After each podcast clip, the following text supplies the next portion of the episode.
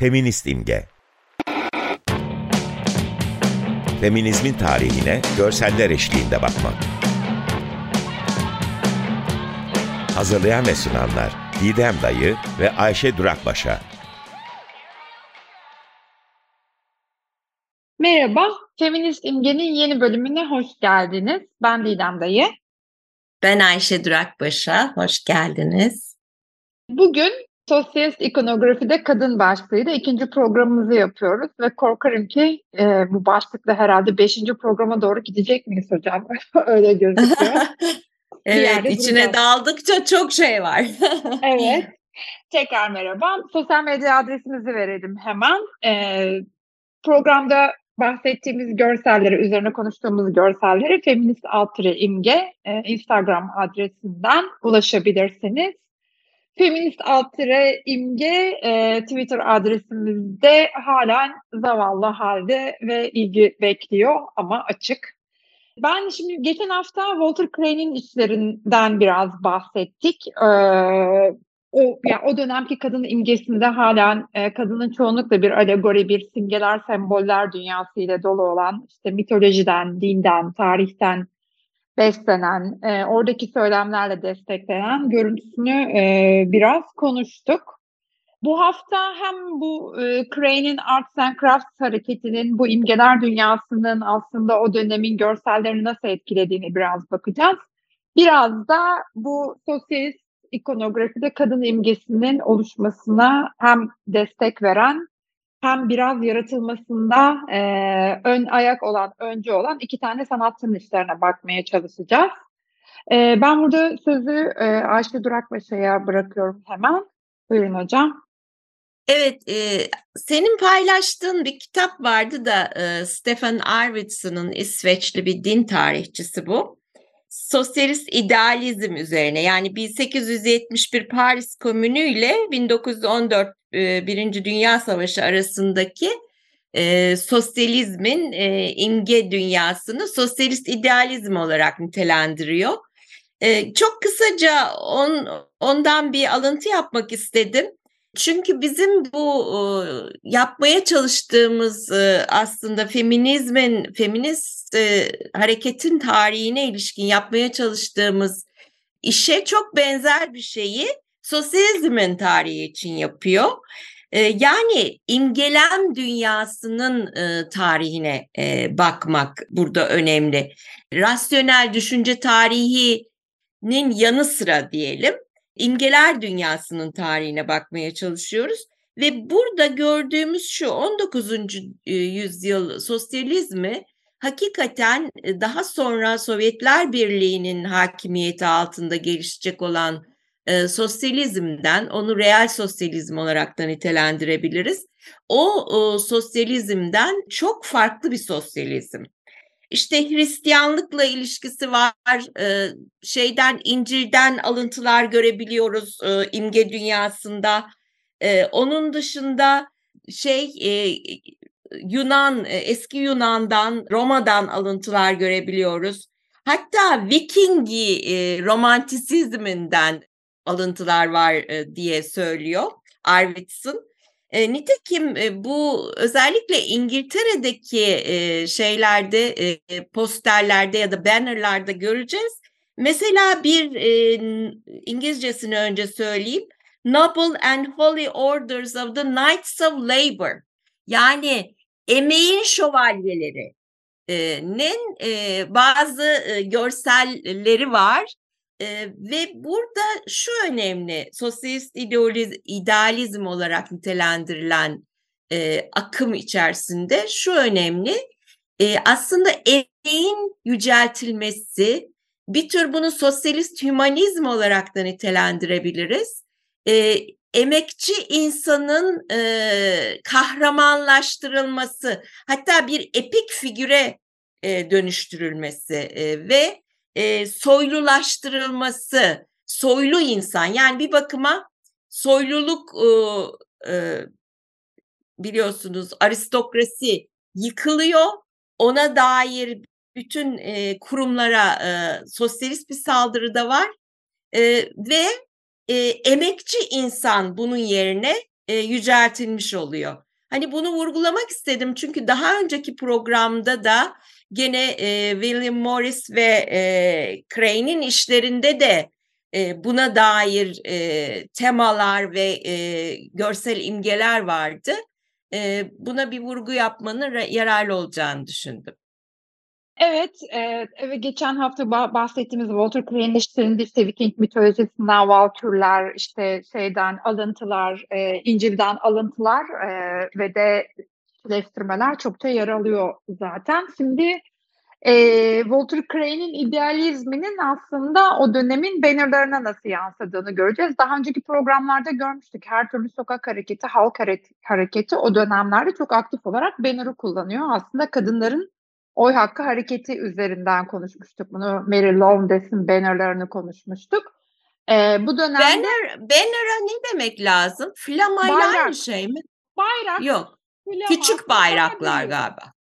Ama bunlar aslında çok daha büyükler. Yani bu işte yani George Tuttil'in ya, yaptıkları e, 9 metreye kadar varan boyları olan yani büyük ölçekte yürüyüşlerde ve protestolarda kullanılan ve de ama aynı o dönemki yani ipek üzerinde, kumaş üzerine işlenen, boyanan, nakışlanan e, büyük e, boyutlarda e, aslında pankartlardan bahsediyoruz.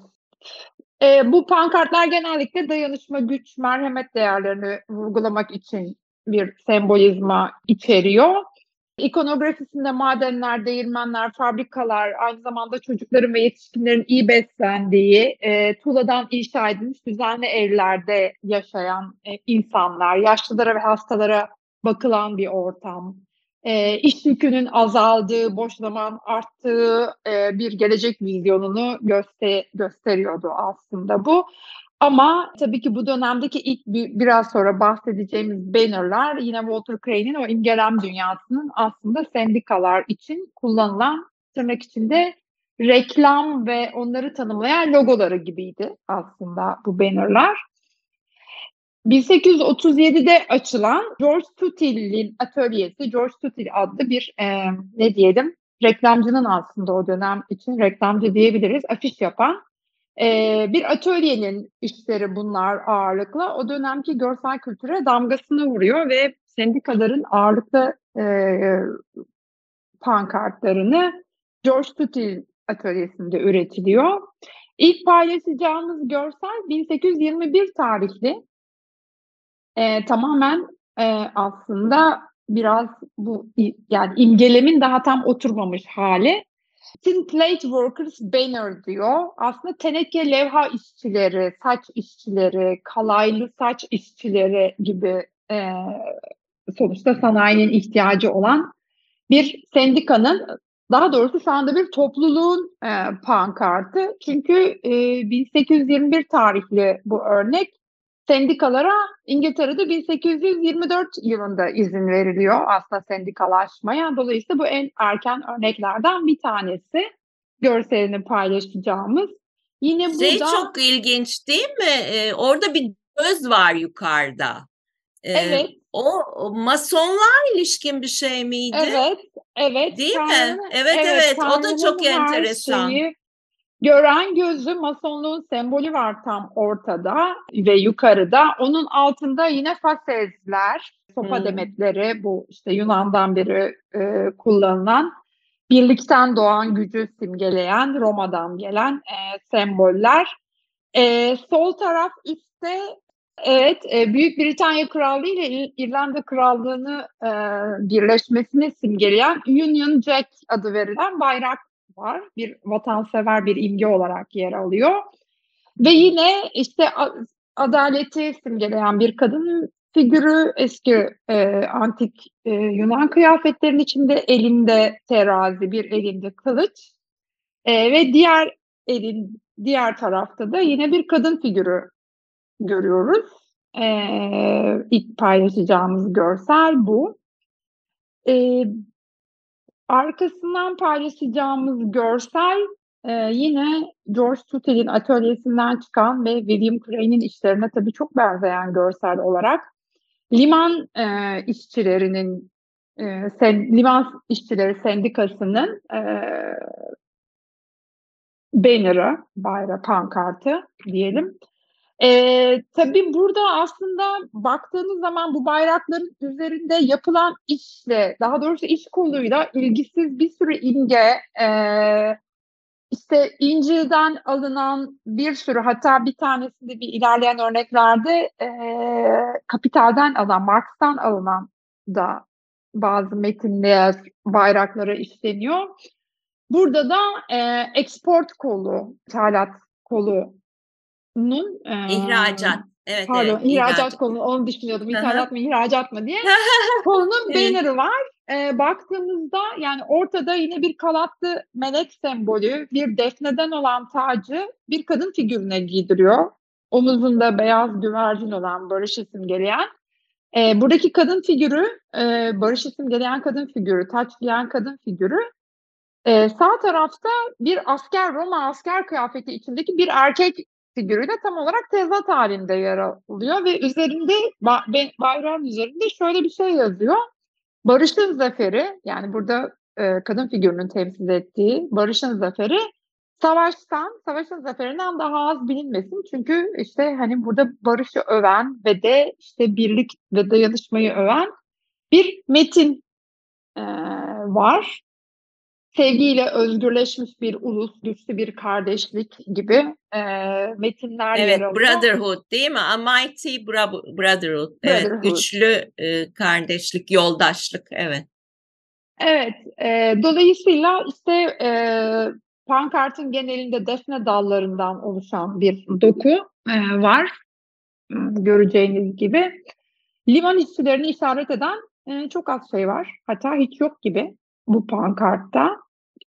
Bir hemen şey paylaşayım. George Tutel'in e, Londra'daki fabrikası ve atölyesi 1837'den itibaren e, fabrikanın yıkılmasına kadar e, Birleşik Krallık'taki bu pankartların yaklaşık %75'ini üretmiş. Bu çok ciddi bir rakam. Aslında o dönemin fotoğraflarına baktığınız zaman birbirine çokça benzeyen, bizim paylaşacağımız görselleri de gör, göreceksiniz. Çokça benzeyen bu işler bir seri üretim mantığında çıkıyor aslında.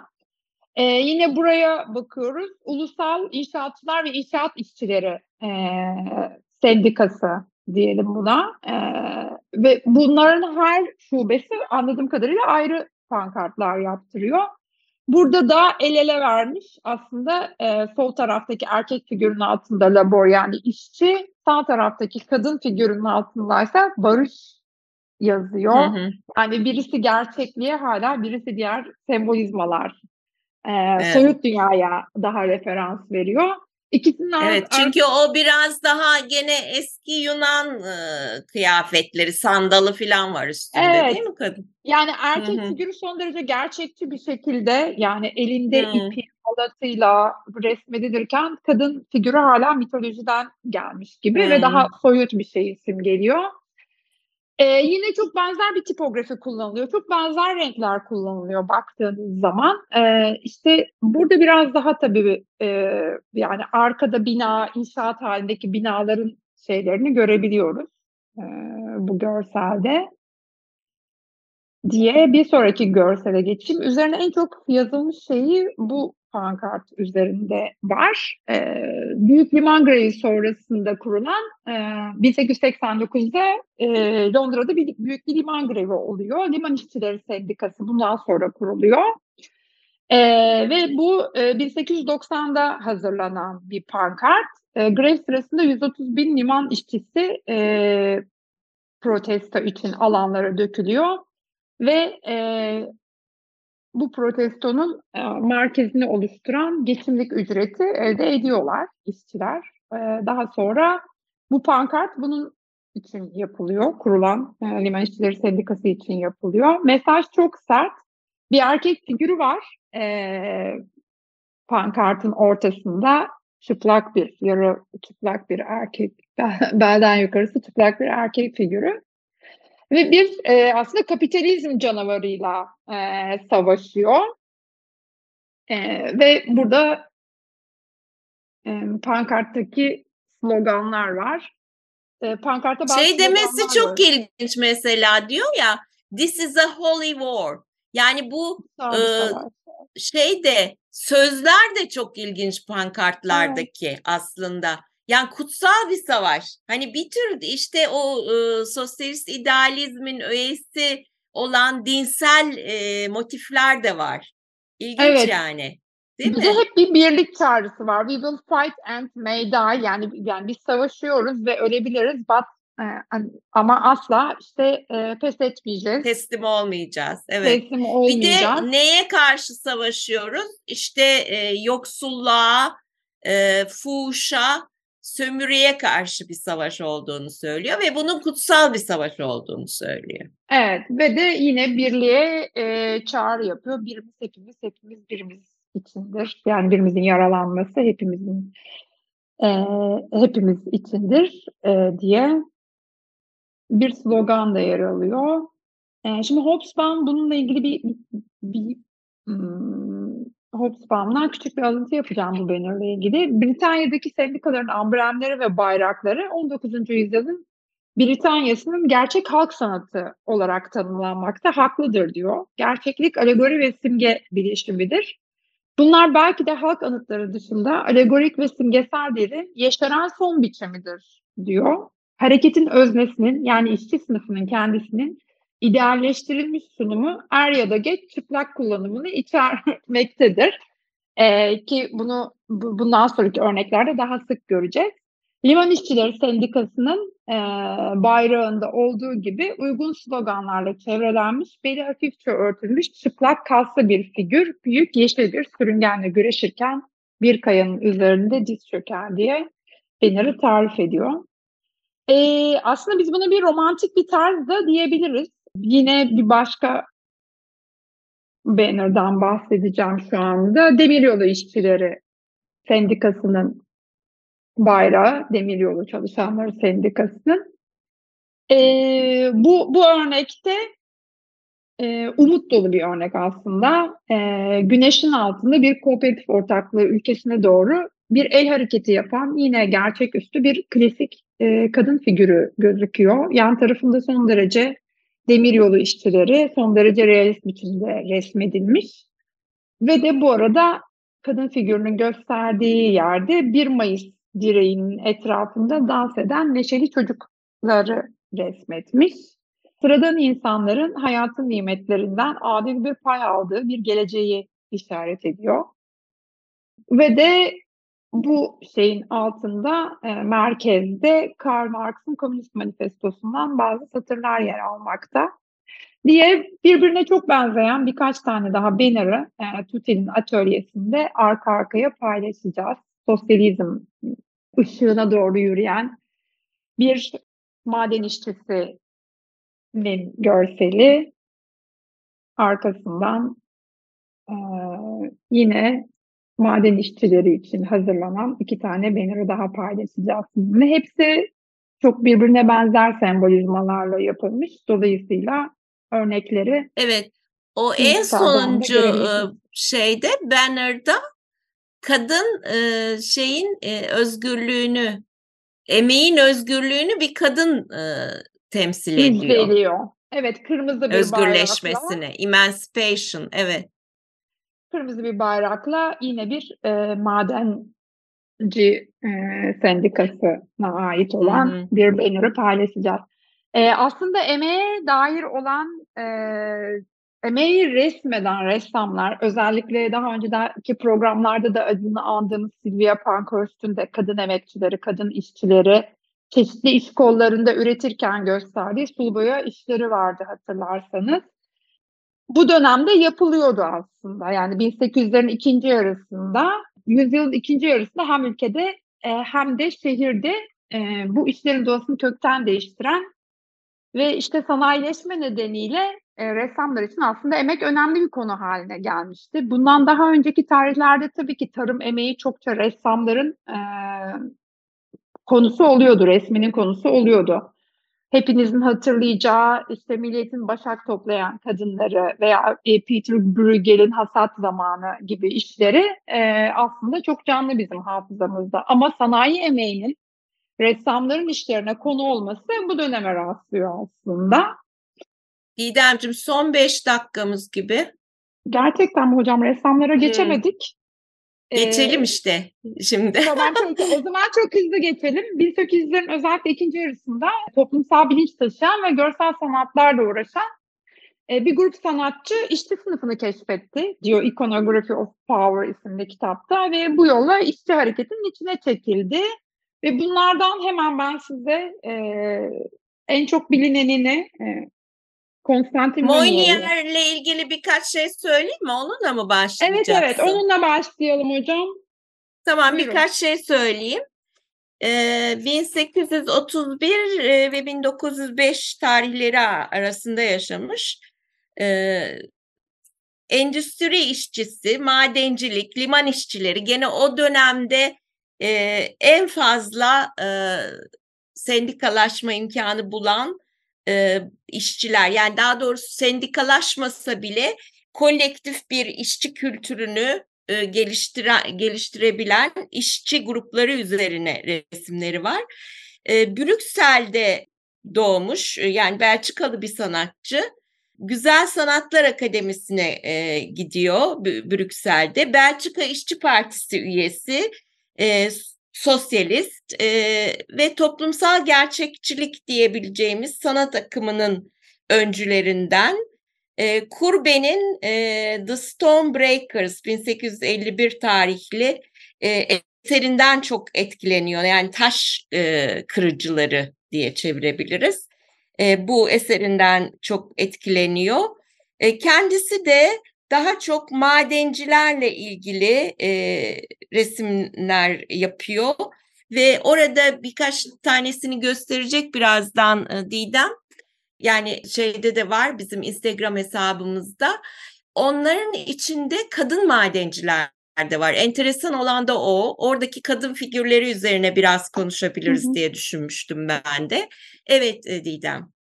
E, ya aslında zamanımız yetmeyecek çünkü e, Meunier aslında üstünde uzun uzun konuşulması gereken bir sanatçı. Yaptığı şey nedeniyle de Hobsbawm kendisi için bu sosyalist işçi erkek e, ikonografisine önemli bir katkı yaptığını ve işte yarı üstü belinden üstünde çıplak olan erkek figürünü aslında bu temsiliyet şeyine soktuğunu söylüyor.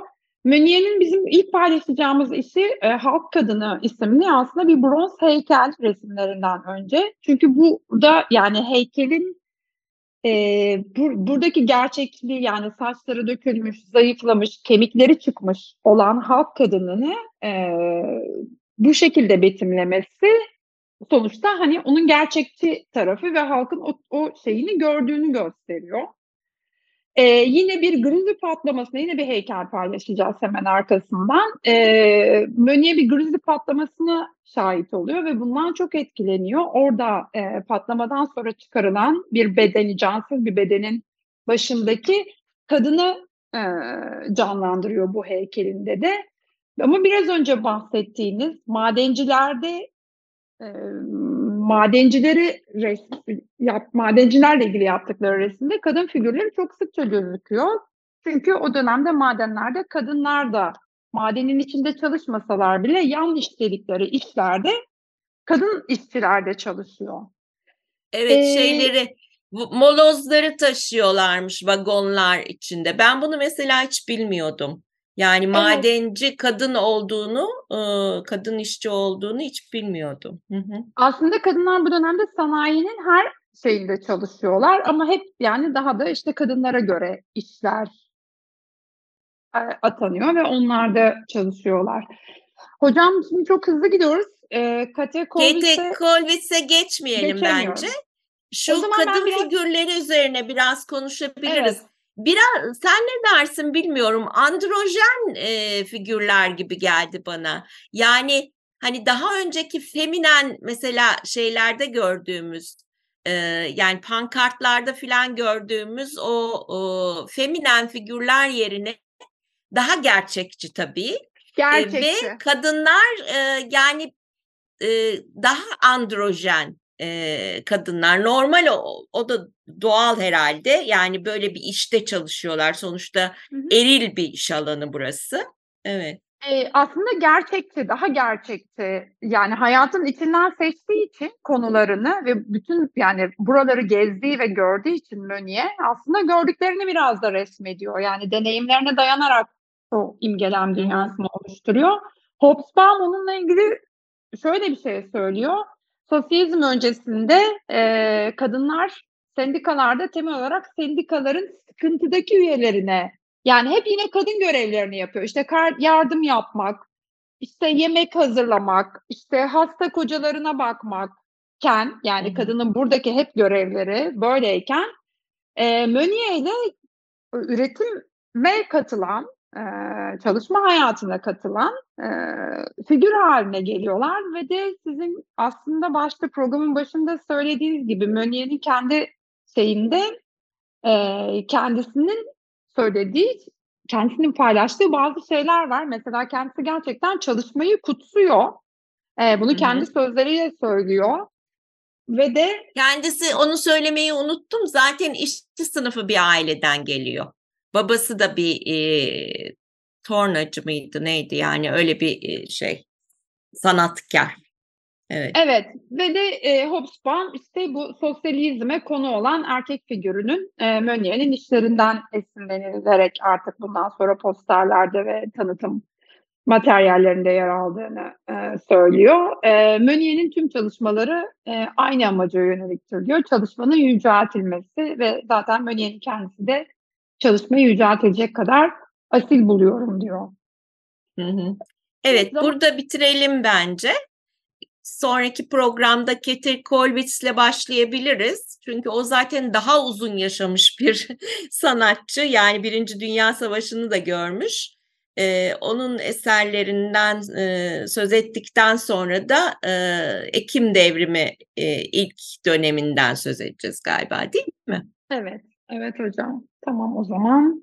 O zaman bir sonraki programda görüşmek üzere diyelim. Ee, hoşçakalın. İyi günler, hoşçakalın.